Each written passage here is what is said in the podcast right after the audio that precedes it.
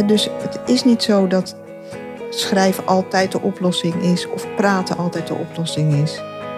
Maar ja, het helpt vaak wel om, om iemand zeg maar recht te doen die er geweest is. Ja. En in wat voor symbool of ritueel dat zit, dat maakt er niet zoveel uit als het maar voor jou herkenbaar is.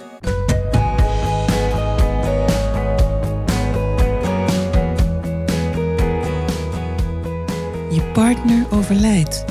Hoe ga jij nu verder?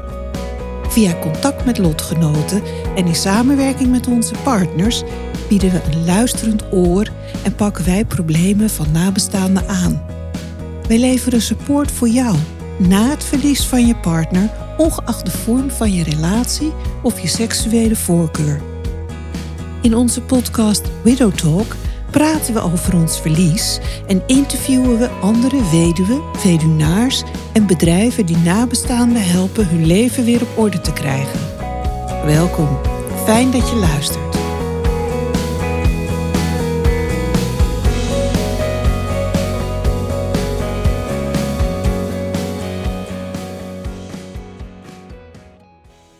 Welkom bij deze zesde aflevering van de podcast Widow Talk van Widows and Widowers.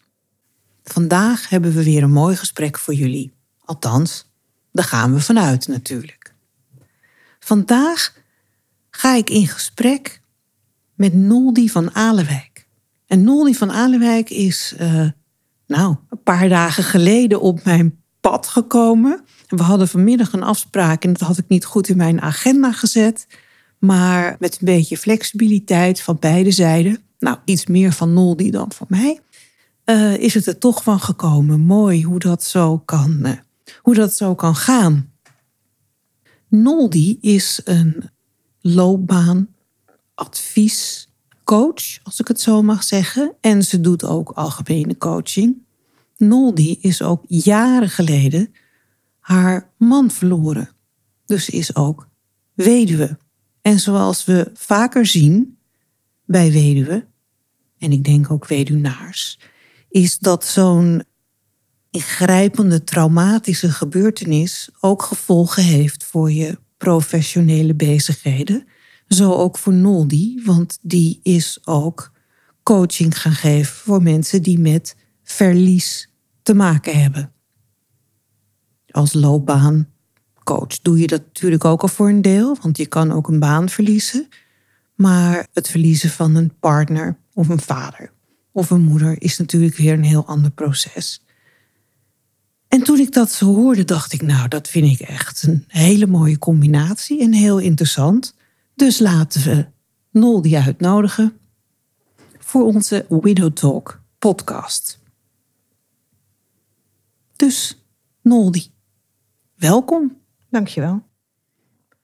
Wil je iets vertellen over het verlies van je man? Wil je daarmee beginnen? Of wil je liever beginnen met je bedrijf en hoe je ertoe gekomen bent om ook verliescoach te worden, om het maar even zo te noemen? Wat is voor jou prettiger? Ik denk dat dat laatste het handigste is. Het meest uh, chronologisch uh, kan ik het dan vertellen. Ja ik ben eigenlijk al meer dan 30 jaar uh, coach. Zit ik in het, in het loopbaancoachingsvak. En achter een loopbaanvraag zit natuurlijk vaak ook een andere vraag. En ik heb eigenlijk al die tijd ook al te maken gehad met, met ja, mensen met verlies. He, een baan kwijtraken, je zei het net zelf al. Als je dat helemaal niet wil, dan, dan kom je ook in een rouwproces terecht. Dus ik gaf al jaren training daarover ik heb me natuurlijk verdiept in, in hoe dat dan werkt met zo'n rouwproces. Maar toen ik eh, zelf zeven jaar geleden weduwe werd, toen merkte ik natuurlijk van goh, ja, dat is wel een heel heftig proces. En nou, na verloop van tijd kwam bij mij steeds meer het gevoel naar boven van zou ik niet met de ervaring die ik nu heb ook in professionele zin andere mensen uh, kunnen helpen, verder kunnen helpen. Nou, ik vond het zelf niet genoeg om ervaringsdeskundig te zijn om dat te doen. Dus ik ben ook een opleiding gaan volgen. En ehm, nou, mensen gaan begeleiden met inderdaad grote, eh, grote verlieservaringen. En ik, merk, ik heb gemerkt dat ik eh, heel goed zeg maar, mijn verhaal kan scheiden van de ervaring van de ander. Dus dat ik wel echt in een professionele rol kan stappen. Maar dat het ook wel helpt dat ik bepaalde dingen begrijp. Dat ik die natuurlijk zelf ook heb meegemaakt. Ehm, dus in die zin heeft die ervaring, die natuurlijk heel naar was, heeft mij ook verrijkt. En ik vind het heel fijn dat ik mensen ook eh, met dit soort zware processen een stap verder in hun leven kan helpen.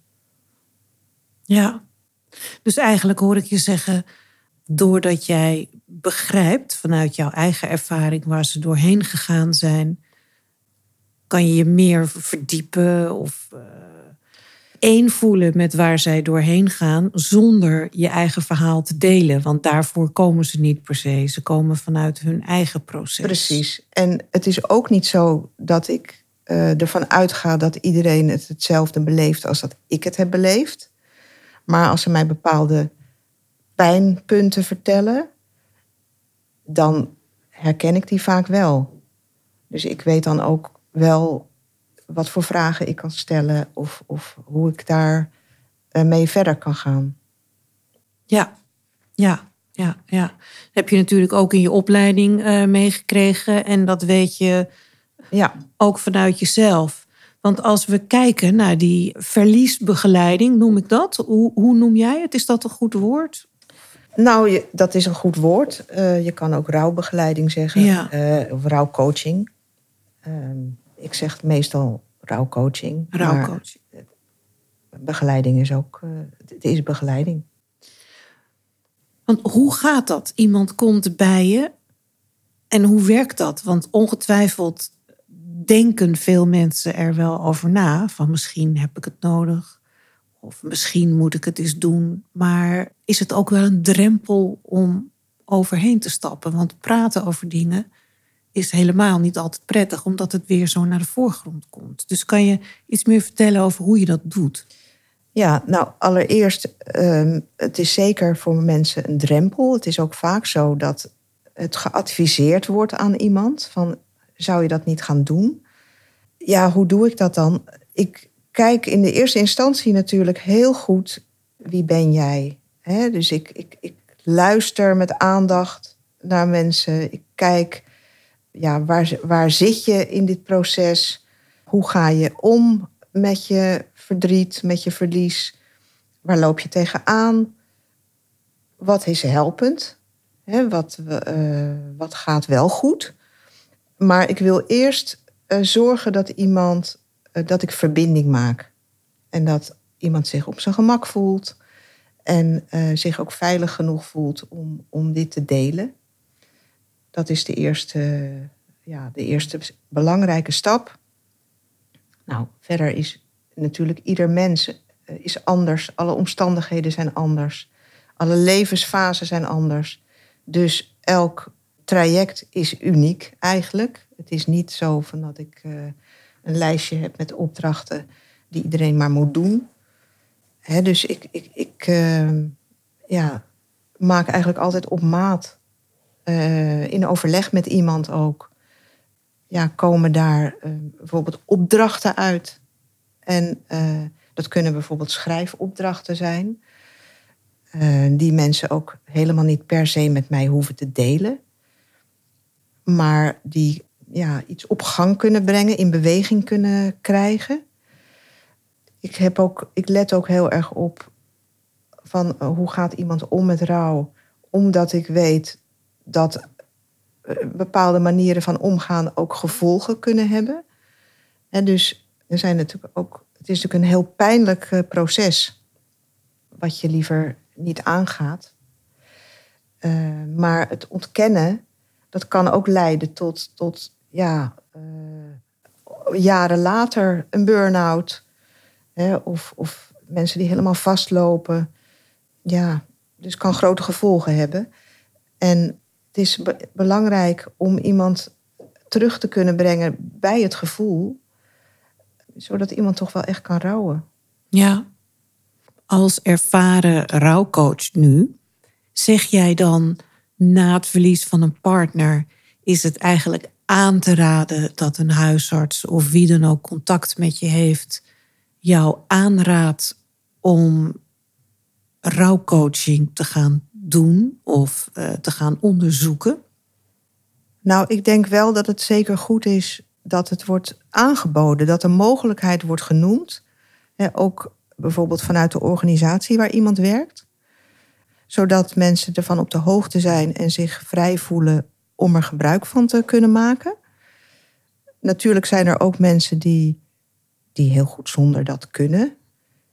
Dat zijn vaak de mensen die het rouwproces zelf wel aangaan en het doorleven en merken dat, ja, ik vind het een verkeerde uitdrukking om te zeggen dat het een plek krijgt, maar die, die zelf wennen aan het omgaan dat het verliezer is.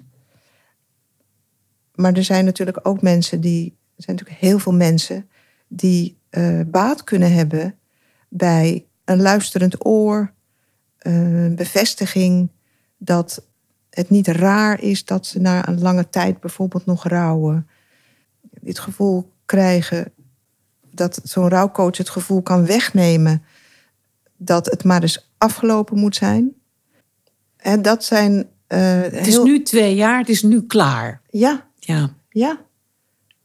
Dat is waar eenmaal, zei iemand ooit tegen mij na een jaar. Je moet nu echt die deur dicht doen. Zo. nou, dat is vast nog een van je beste vrienden. ja. Ja, en, en uh, mensen merken vaak natuurlijk aan de omgeving inderdaad na een bepaalde tijd. Uh, van goh, ja, hoe zit het ermee? We willen eigenlijk dit niet meer horen. Waardoor mensen soms het gevoel krijgen van nou ben ik dan raar? Of uh, blijf ik hangen in iets wat niet goed is?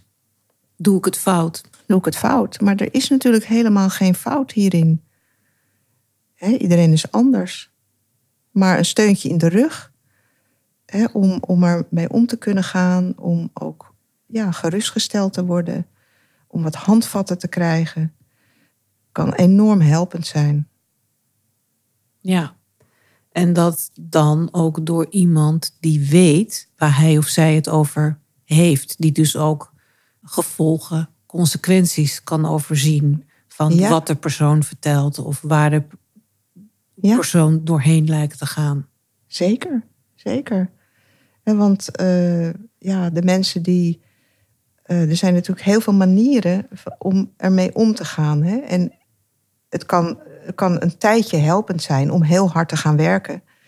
Maar als je dat blijft doen en je stopt dat verdriet al door maar weg, dan kan het ook tegen je gaan werken. En, en dat is zo zonde. Daar doe je ook jezelf zo tekort mee. Dan kan je in een burn-out komen, bijvoorbeeld, Absoluut. bedoel je? Ja. Dan luister je niet meer naar je gevoel. Nee, dan, dan uh, duw je dat eigenlijk weg. Wat heel begrijpelijk is, want het is ontzettend pijnlijk. Maar ja, het aangaan, zoals ik dat dan maar noem, dat, ja, dat helpt meestal heel goed. Ja. Wat zijn nou hele herkenbare kopingsmechanismen die jij tegenkomt in je praktijk? Bij de mensen die je behandelt of waar je mee werkt? Nou ja, wat ik net al zei, dat is bezigheden zoeken die, uh, dat je het maar niet hoeft te voelen. Ja. He, dat, uh, of heel veel uitgaan, heel hard gaan werken. Maar er zijn natuurlijk ook bepaalde rituelen die heel helpend zijn. Dingen blijven doen die je samen deed. Ja, of, of uh, bepaalde uh, spullen van iemand ja, bewaren of iets mee doen. Zodat je een, een, um, iets tastbaars hebt wat bij die persoon hoort. Of, of op bepaalde data, verjaardagen, sterfdagen, iets ondernemen. En dat zijn allemaal dingen die, uh, die kunnen helpen. Ja. Kan je dan ook nog zeggen, er zijn dingen goed en er zijn dingen fout als je worstelt? Of met of probeert om te gaan of te leven met rouw? Wanneer is het constructief en wanneer is het destructief? Of is daar geen algemene deler voor? Nou, ik vind, ik vind het nogal uh, ja, radicaal om te zeggen dat iets fout is. Hè? Want ja, echt fout is het niet. Maar je kunt jezelf wel tekort doen. En het, het, het ontkennen terwijl je eigenlijk heel erg veel pijn hebt. Daarmee kan je jezelf zo ontzettend uh, tekort doen. Dat, dat vind ik dan zo jammer, zo zonde. Maar ja, het is ook niet zo dat iemand dingen fout doet. Nee, dus als ik uh, een maand in bed wil liggen en alleen maar Netflix wil kijken, dan uh, heb ik dat gewoon nodig. Tikje herkenbaar namelijk. nou ja, ja, als dat inderdaad ook weer een keer ophoudt, dan uh, denk ik dat dat, ja, dan is dat maar zo. Is dat jouw manier om, um, ja, om, om een tijd door te komen? En dat zijn fases, hè? Ja, ja. er zijn ook, uh, ik, ik weet wel van mezelf dat ik hele middagen gewoon apathisch aan tafel zat. En dan werd het donker en had ik niks gedaan. Ja, of dat nou helpend is geweest, dat voelde op dat moment echt niet zo. Maar kennelijk had ik het nodig. Het is ook weer overgegaan. Dat zei ik ook toen ik uh, de hele tijd Netflix zat te kijken. dit heb ik gewoon nodig. Mijn lichaam geeft dit aan of mijn geest. Ja, natuurlijk als dingen te lang duren. Maar als het goed is, heb je dan vaak uh, vrienden of familie die dan wel ingrijpen en je erop uh, wijzen als het goed is. Ja, het is, nou ja, het is ook altijd goed om, om er zelf over te communiceren. Hè? Dat je dat dan ook wel zegt tegen mensen. Maar mensen schamen zich ook wel uh, voor, daarvoor. Hè? Ja. Dus denken dat je alles alleen moet doen, dat is misschien iets wat, ja, wat niet nodig is. Ja. Dus contact met anderen, verbinding. En want je, waarom je zo verdrietig bent, is natuurlijk dat je verbinding kwijt bent met die persoon, uh, die niet vervangbaar is. Maar als je mensen in je omgeving hebt waar je je ook mee verbonden voelt, dan kan dat ook heel steunend uh, voor je zijn. Ja. Ja. Ja, en dan heb je natuurlijk, uh, nou niet natuurlijk, wat ik zelf heb gemerkt na het verlies van mijn man, is dat uh, mensen waarvan ik dacht dat ze er zouden zijn, er niet waren. En mensen die ik niet had verwacht, die piepten opeens, opeens omhoog. Dus je vindt je gesprekspartner lang niet altijd waar je dacht dat je die zou vinden.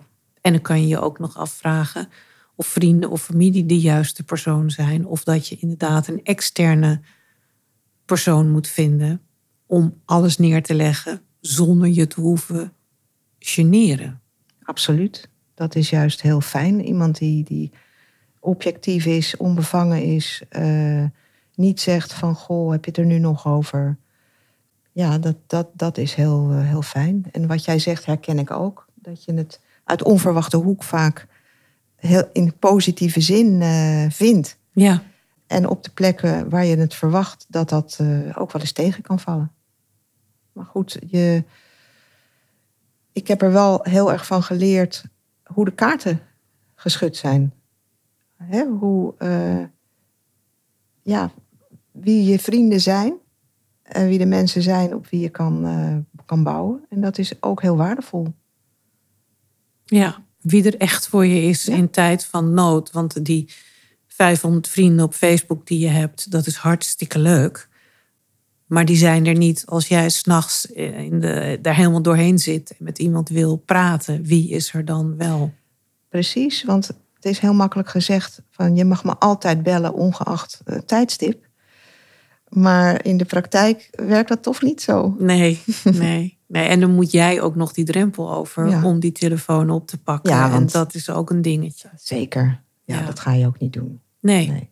Nee, het zijn de mensen die zich continu aan je opdringen. Je denkt, nou, nu moet het eens een keer afgelopen zijn, heb ik gemerkt. Die vaak eh, doen wat je nodig hebt uiteindelijk. Merk jij in je praktijk nog vergelijkbaar gedrag dat mensen vertonen? Ik ben me bijvoorbeeld heel erg gaan terugtrekken.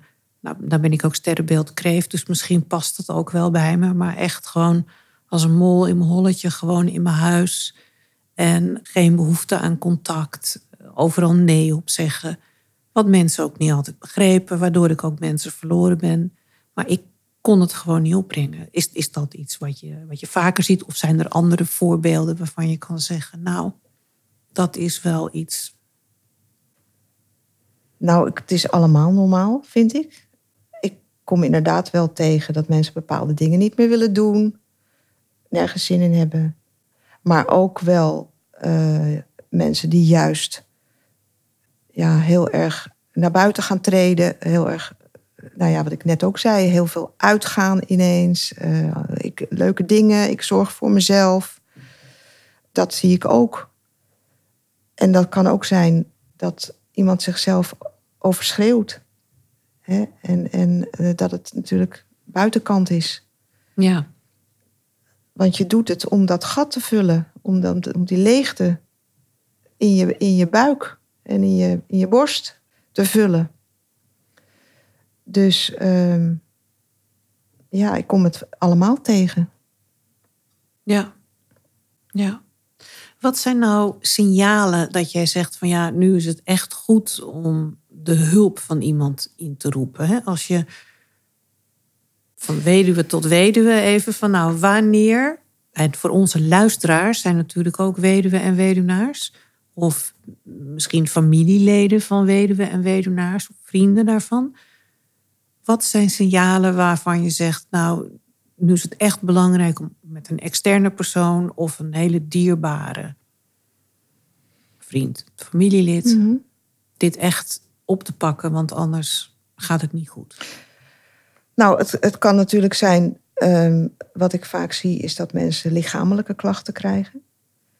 Slecht slapen, niet slapen, pijnklachten, Ehm, ja, soms ja, eh, verhoogde prikkelbaarheid. Soms zelfs een kort lontje. Dat je denkt van nou, hoezo nu deze reactie om dit onbenullig dingetje?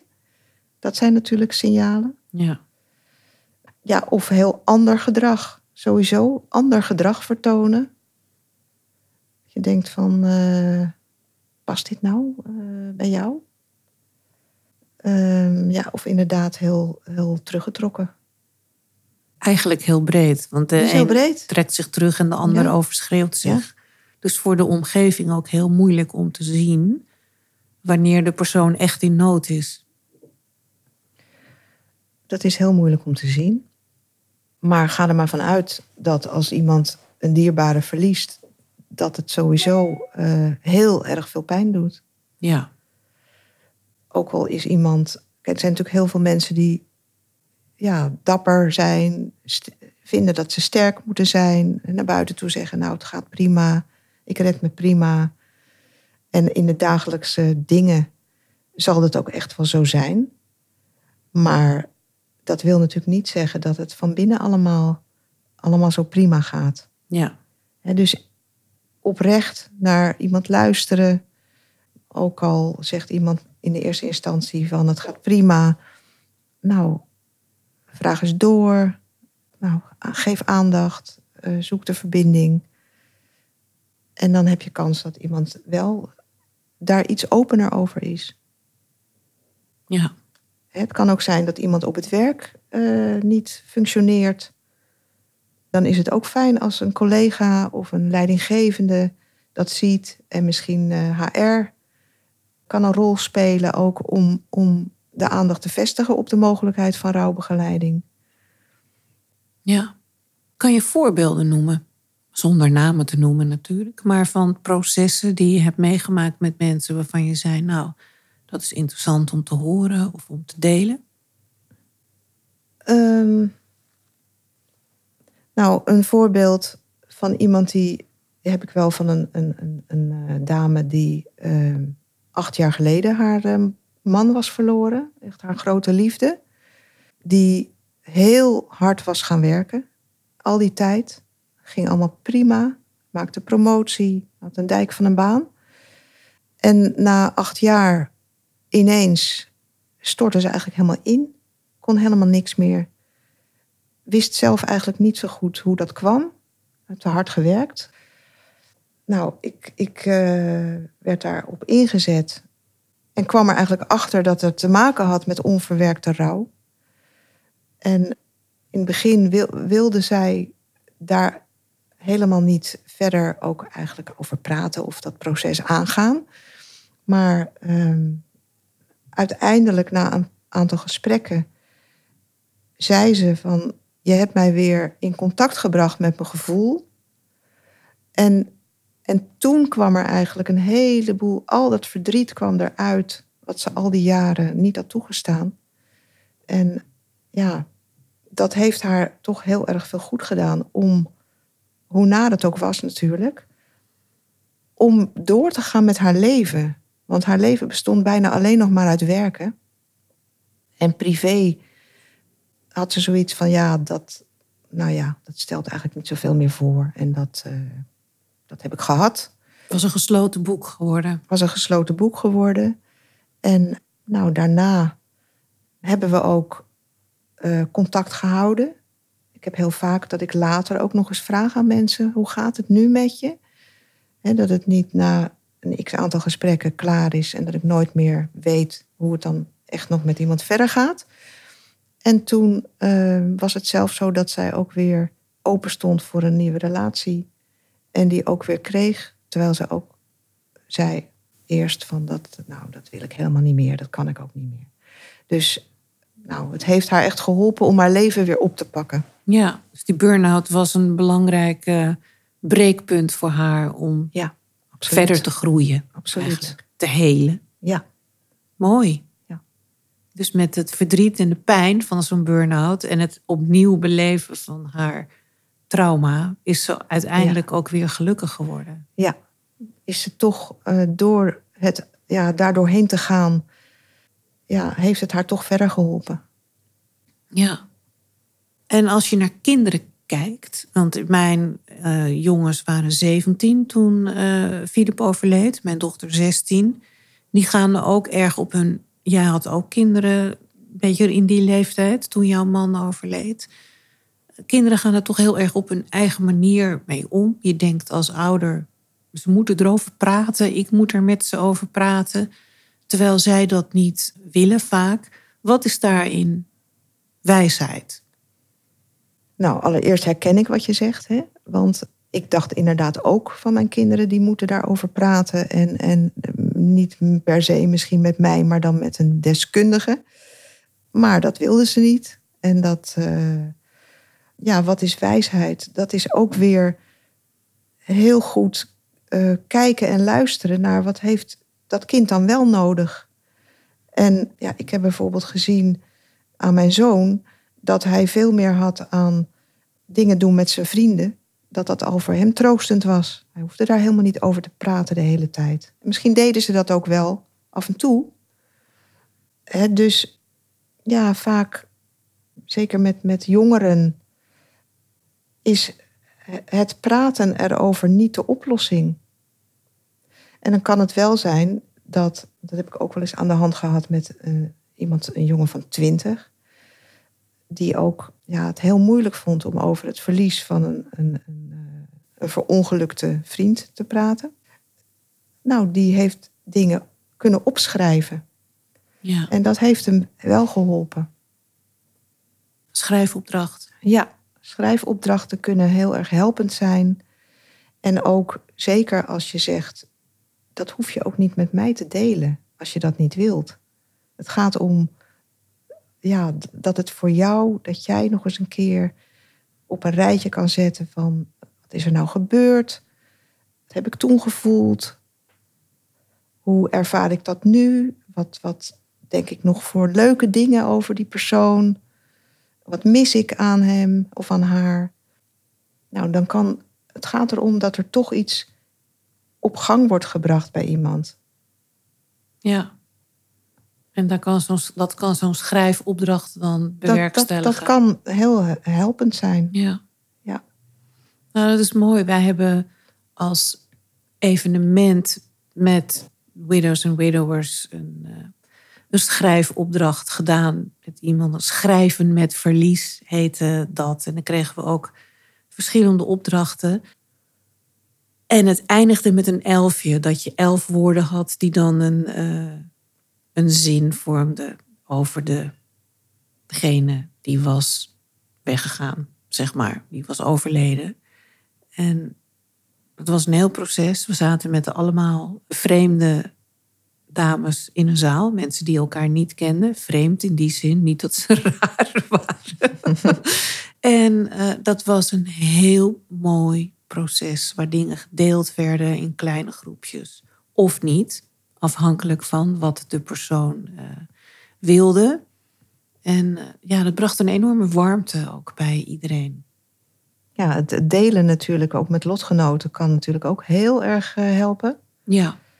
En maar er zijn, ik heb ook wel meegemaakt dat mensen ook niet wilden schrijven, maar wel bereid waren bepaalde rituelen te, ja, te doen. Hè? Bijvoorbeeld iemand die, die in jaren niet bij het graf was geweest van degene die was overleden. En nou, dat toch weer, dat toch weer ging doen. En ook weer met bepaalde eh, spulletjes van iemand iets ging doen. Dus het is niet zo dat schrijven altijd de oplossing is of praten altijd de oplossing is. Maar ja, het helpt vaak wel om om iemand zeg maar recht te doen die er geweest is. Ja. En in wat voor symbool of ritueel dat zit, dat maakt er niet zoveel uit als het maar voor jou herkenbaar is. Ja, en als jij je daar prettig bij voelt natuurlijk. Tuurlijk, ja. Ja, ja. Want zo weet ik ook van mensen die uh, nou, na twee maanden de kleding allemaal wegdoen. Ik moest het zelf na negen maanden wegdoen omdat we gingen verhuizen. We moesten ons huis verkopen. En op de, de flat waar we naartoe gingen, het appartement, uh, er was gewoon geen ruimte. Dus ik werd soort van gedwongen. Je had nog een stukje in de opslag liggen. Maar ja. Terwijl andere mensen hebben het 15 jaar later nog in de kast hangen. En daarvan zeg je ook, ieder moet doen waar hij of zij zich goed bij voelt. Absoluut, absoluut. Ik heb ook inderdaad de, de, de grote verschillen gezien van... Uh, dezelfde week na het overlijden alles wegdoen. Tot en met uh, jarenlang uh, kleding in de kast laten hangen. Schoenen staan er nog, alsof je ze zo aan kan trekken. Ja, als, je, als dat je iets geeft, dan, dan is dat goed.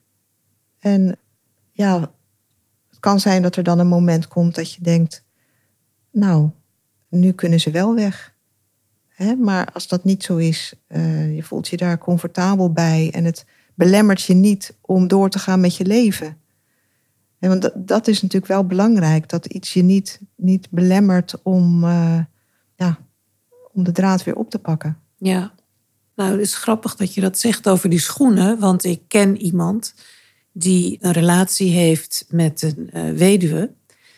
En die zegt ja, maar de schoenen van haar overleden echtgenote, die staan nog gewoon in de gang. Dus ik zet mijn schoenen naast zijn schoenen. Maar zegt ja, ik accepteer dat gewoon. Voor haar is dat ja, een stuk loyaliteit, een stuk trouw. En ze houdt van mij, maar ze houdt ook nog van haar man, haar overleden man. En die schoenen, die, die horen daar gewoon bij. Dus daar zeg ik verder niks van. Nou, dat vind ik heel mooi. Ik vind het ook heel knap. ja. Ik, ja, ik, het, het zegt ook weer iets uh, ja, over liefde en verbinding. En, en, uh, en kunnen accepteren wat er voor iemand belangrijk is. En ja, kennelijk is die relatie er wel gekomen. En er is geen concurrentie. Maar er is wel loyaliteit. Dat is heel mooi om het te zeggen. Ja, ja. Er is geen concurrentie, maar wel loyaliteit. Want dat hoor ik ook wel van mensen die zeggen: ja, ik heb een relatie met een weduwe of een weduwnaar. Maar ik vind het zo lastig. Want het voelt toch als een stukje concurrentie met die overleden partner. Terwijl je kan niet concurreren, maar de foto's staan nog uh, in de vensterbank. Uh, de kleren liggen nog in de kast. De schoenen staan nog uh, bij de voordeur. bepaalde dagen worden nog gevierd. Betekent dat dan dat hij van hè, zijn overleden vrouw of, of, of, of zij van haar overleden man meer hield dan van mij? Ja, dat kan zijn dat dat door iemands hoofd speelt. Maar ja, het is natuurlijk een gegeven dat die andere persoon er geweest is. En ja, ik denk ook dat het belangrijk is dat je gewoon vertrouwt op, uh, op het gevoel wat er nu is. Die relatie die je nu hebt, is er niet voor niks. En zeker als je ja, een leven al ook gehad hebt, dan daar, zijn daar natuurlijk andere mensen belangrijk in uh, geweest. Dat hoort erbij. Ja, ja. ja, dat is toch een van de dingen waar je mee te dealen hebt als je een relatie begint met een weduwe of een weduwnaar. Uh, dat je daar af en toe tegenaan ja. zou kunnen lopen natuurlijk. Maar kijk, het kan voor de andere, voor de weduwe of weduwnaar ook net zo goed vragen oproepen of ongemakkelijk zijn. Ik weet van mezelf, ik heb een hele grote foto van mijn overleden man in de kamer. En ik heb na ruim zes jaar weer een nieuwe relatie gekregen. Een hele mooie relatie. En ik vroeg hem in het begin: Vind je het niet moeilijk dat ik die enorme foto hier heb staan? En zijn reactie was: Nee, joh, je wilt toch de mensen om wie je geeft om je heen hebben. En dat vond ik zo mooi, vond ik zo fijn dat hij dat zei. Dus het heeft eigenlijk nooit verder, die foto staat er nog. En het is geen probleem. Ja. dat, doet mij, dat doet mij heel goed. Dat kan ik me heel goed voorstellen. Ja. En je kan ook van twee mensen tegelijkertijd houden. Terwijl je weet van het een is, ja, die is er niet meer, maar ik wil, die, ik wil hem nog wel op een bepaalde manier bij me hebben. Ja. Mooi. Los van het feit dat hij natuurlijk ook voortleeft in je, in je kinderen. Dus dat het voor je kinderen ook belangrijk is. Tuurlijk, ja. ja. Ook de vader van de kinderen. Ja, ja. Zijn er dan nog bepaalde rituelen of symbolen die je veel voorbij ziet komen, waar je iets over kan vertellen, die belangrijk zijn voor mensen? Nou, dat kan ook heel verschillend zijn. Hè? Het kan zijn, sommige mensen maken een soort altaartje of een hoekje in de kamer met iets van die persoon. Of die steken regelmatig een kaarsje aan. Denken ze aan die persoon. Het kan ook zijn uh, dat je een bepaald sieraad. Hè, je ziet natuurlijk heel vaak dat mensen uh, iets moois maken van de, van de ring, ook uh, de trouwring bijvoorbeeld. Met je eigen ring. Nou, dat kan ook een gevoel geven van. Uh, het, is, het is ook een, een ritueel, ook een symbool eigenlijk. Ja. Maar het kan ook, ja, wat ik ook tegenkom, wat, nou ja, wat, als ik mezelf als, voordeel, als voorbeeld neem, dan eh, ging ik nog bijvoorbeeld op zijn verjaardag altijd zijn lievelingstaart halen. En dan wisten die vrienden ook precies van, nou, we krijgen dan wel weer die taart. Ja. Maar ja, dat was ook. Um, of bijvoorbeeld als iemand van een bepaald soort muziek heeft gehouden, dan die muziek op die dag bijvoorbeeld draaien en met vrienden daarover hebben. Ja, het zijn allemaal rituelen. Ja, hoe klein ook. Hè? Want bij ritueel denken we vaak aan wat goed, godsdienstige dingen of grote dingen. Maar het kan dus zo klein zijn. Als het kan zo klein zijn. De lievelingstaart van of de lievelingsmuziek van. Ja. Ja, ja. Mooi. Verdriet mag er zijn, zei je net. Hè? En de vraag is, hoe ga je ermee om? En hoe signaleer je wanneer je vastloopt? Nou, daar heb je net een paar dingen over uh, aangegeven. Wanneer je zelf, als je kritisch naar jezelf kan kijken natuurlijk in, in die situatie, kan zeggen van nou, hier moet ik iets mee. Of waar je omgeving uh, in kan grijpen. En dat kan een rouwcoach zijn, maar dat kan ook een vertrouwenspersoon zijn. Ja, zeker. In je omgeving. Zijn er nou nog vragen die ik niet gesteld heb, waarvan jij denkt, nou, het is nou jammer, Marianne, want daar had ik ook nog wel graag iets ehm, over willen zeggen. Ehm, nou, wat ik ook wel belangrijk vind om te zeggen is dat de buitenwereld uh, vaak goed bedoeld, maar heel onhandig kan reageren. En daar heb ik het dan ook vaak over met uh, mensen die bij mij komen dus nou ja, ik zei natuurlijk net ook al het voorbeeld van uh, die deur, die mag nu wel een keer dicht. Ja. Maar er zijn natuurlijk veel meer voorbeelden te noemen. En nou, dat vind ik wel ook een belangrijk punt om over te hebben met mensen, omdat het ook goed bedoeld is van de mensen die het zeggen. En dus het kan heel kwetsend zijn, onbedoeld, maar het is natuurlijk meestal uh, goed bedoeld hè, met om iemand ja, een beter gevoel te geven. Maar dat gebeurt vaak niet. En ja, het daarover hebben, dat is ook belangrijk. Ja, dus hè, mensen kunnen dingen zeggen uit goede bedoelingen, die bij jou als nabestaande totaal verkeerd binnenkomen en waar je geïrriteerd, gefrustreerd, verdrietig of boos over kan worden. Ik, ik weet uit ervaring dat dat zo is. Ik weet ook uit ervaring dat ik daardoor sommige mensen op afstand heb gezet. Omdat ik dacht, ja, sorry, ik heb hier gewoon echt geen zin in. Nee. Hier doe ik niet aan mee. Mhm. Eh, als ik deze gevoelens van jou krijg, uh, dan hoef ik je gewoon niet meer om me heen te hebben. Ja, heel, heel begrijpelijk en ook herkenbaar. Terwijl in principe bedoelen mensen het natuurlijk goed, maar je verwacht dat ze toch begrijpen wat je nodig hebt. Ja, maar goed, wat ik, wat ik net ook al aangaf, is dat je merkt wie er dan echt ook wel je vrienden zijn. Ja. En er zijn ook mensen bij wie je eindeloos met hetzelfde aan kan komen. En er zijn ook mensen die denken van nou, uh, we willen het nu over leuke dingen alleen nog maar hebben. En dit, uh, dit verhaal kennen we wel. Ja, dat is heel pijnlijk. En dat valt dan niet onder de uh, oprecht goed bedoelde adviezen. Hè, maar het laat wel even zien uh, waar je staat. Ja. Een stukje empathie van mensen ook. Die, ja. ja. Ja. Ja.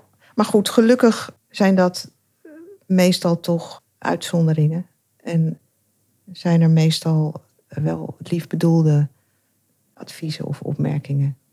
Ja. Nou, we zitten alweer een hele tijd uh, te praten. Dus ik denk dat we er langzaam een, een eind aan deze aflevering gaan maken. Als dat voor jou oké is. Er liggen geen dingen meer open waarvan je zegt, nou, die wil ik nu ook nog even kwijt. Nee, ik denk dat het belangrijkste dat dat, dat wel gezegd is. Ja. Ja, nou mooi. Dank je wel. Dit was Noldi van Alenwijk in gesprek met Marianne Heemskerk, een van de twee partners van widowsandwidowers.nl. En we hebben het uh, gehad over een stukje gedeelde ervaringen, omdat we allebei weduwe zijn. En ook over het feit dat Noldi haar werk als coach en als loopbaanbegeleider is gaan uitbreiden met een stukje rouwcoaching naar aanleiding van haar eigen ervaringen. Wat maakt dat zij als rouwcoach een stukje extra begrip heeft naar haar klanten toe. Wat haar wellicht empathischer maakt dan een rouwcoach die het uh, alleen uit een boekje heeft. Wat natuurlijk helemaal niet hoeft. Maar als we het hebben over praten met lotgenoten, is het natuurlijk heel fijn om te praten met iemand die naast rouwcoach ook weduwe is. Klinkt een beetje raar, maar je snapt, jullie snappen vast wel wat ik bedoel. Dank jullie wel voor het luisteren naar deze zesde aflevering van Widow Talk. Binnenkort zijn we er weer met een nieuwe aflevering. Vergeet niet op volgen te klikken bij de app waarin je naar de podcast luistert. En vergeet alsjeblieft ook niet om dit te delen, Widow Talk, te delen met mensen waarvan jij denkt dat ze er behoefte aan hebben of dat ze het kunnen gebruiken. We bespreken vele onderwerpen. Naar ons idee zit er voor iedere smaak wat bij. En als je denkt dat we iets nog niet gedaan hebben wat we zouden moeten doen, schroom niet om een mailtje te sturen naar marianne@widowsforwidows.com. En kijk anders nog even op de website widowsandwidowers.nl. Voor nu zeg ik dankjewel voor het luisteren. Tot de volgende keer. Dag!